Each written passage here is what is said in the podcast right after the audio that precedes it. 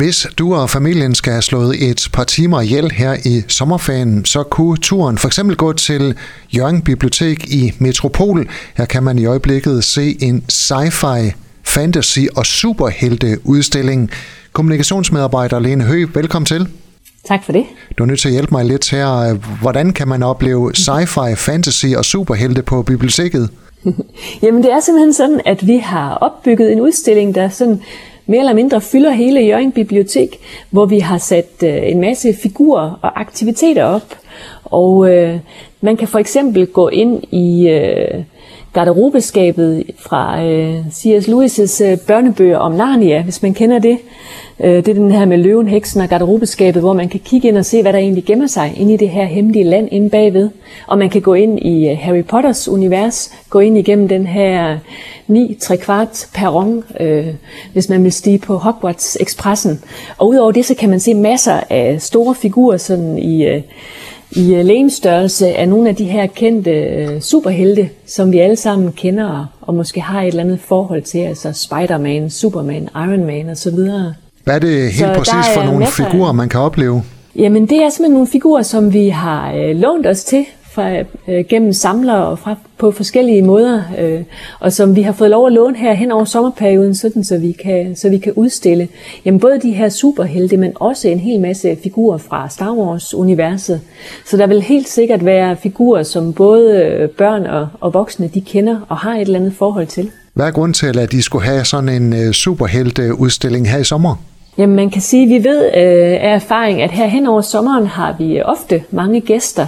Det er både folk, som øh, når nu vejret for eksempel ikke er så godt som i øjeblikket, jamen så, så søger man måske indendør og, og vil gerne øh, ind og, og låne nogle bøger og, og hygge sig sammen herinde på biblioteket.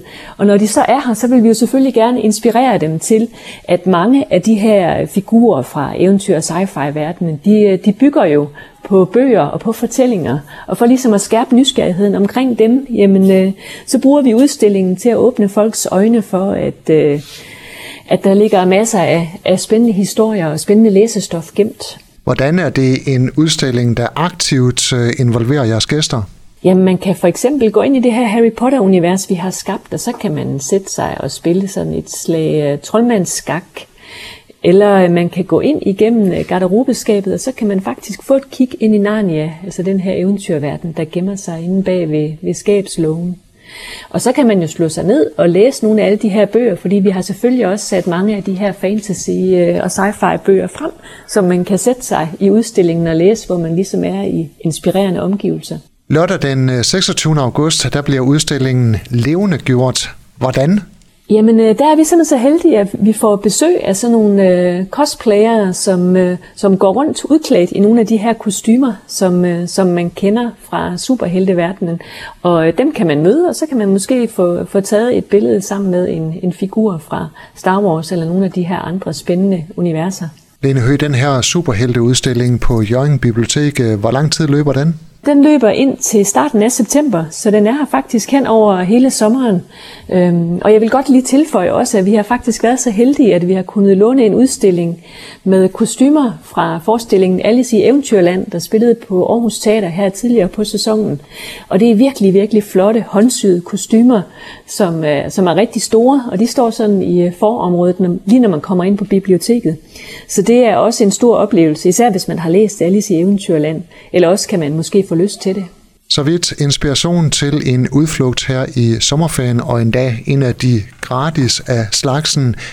Kommunikationsmedarbejder hos Jørgen Bibliotekerne, Lene Hø, tak fordi du var med her, og god sommer. Jamen, øh, det var en fornøjelse, og i lige måde. Du har lyttet til en podcast fra Skager FM. Find flere spændende Skager podcast på skagerfm.dk eller der, hvor du henter dine podcasts.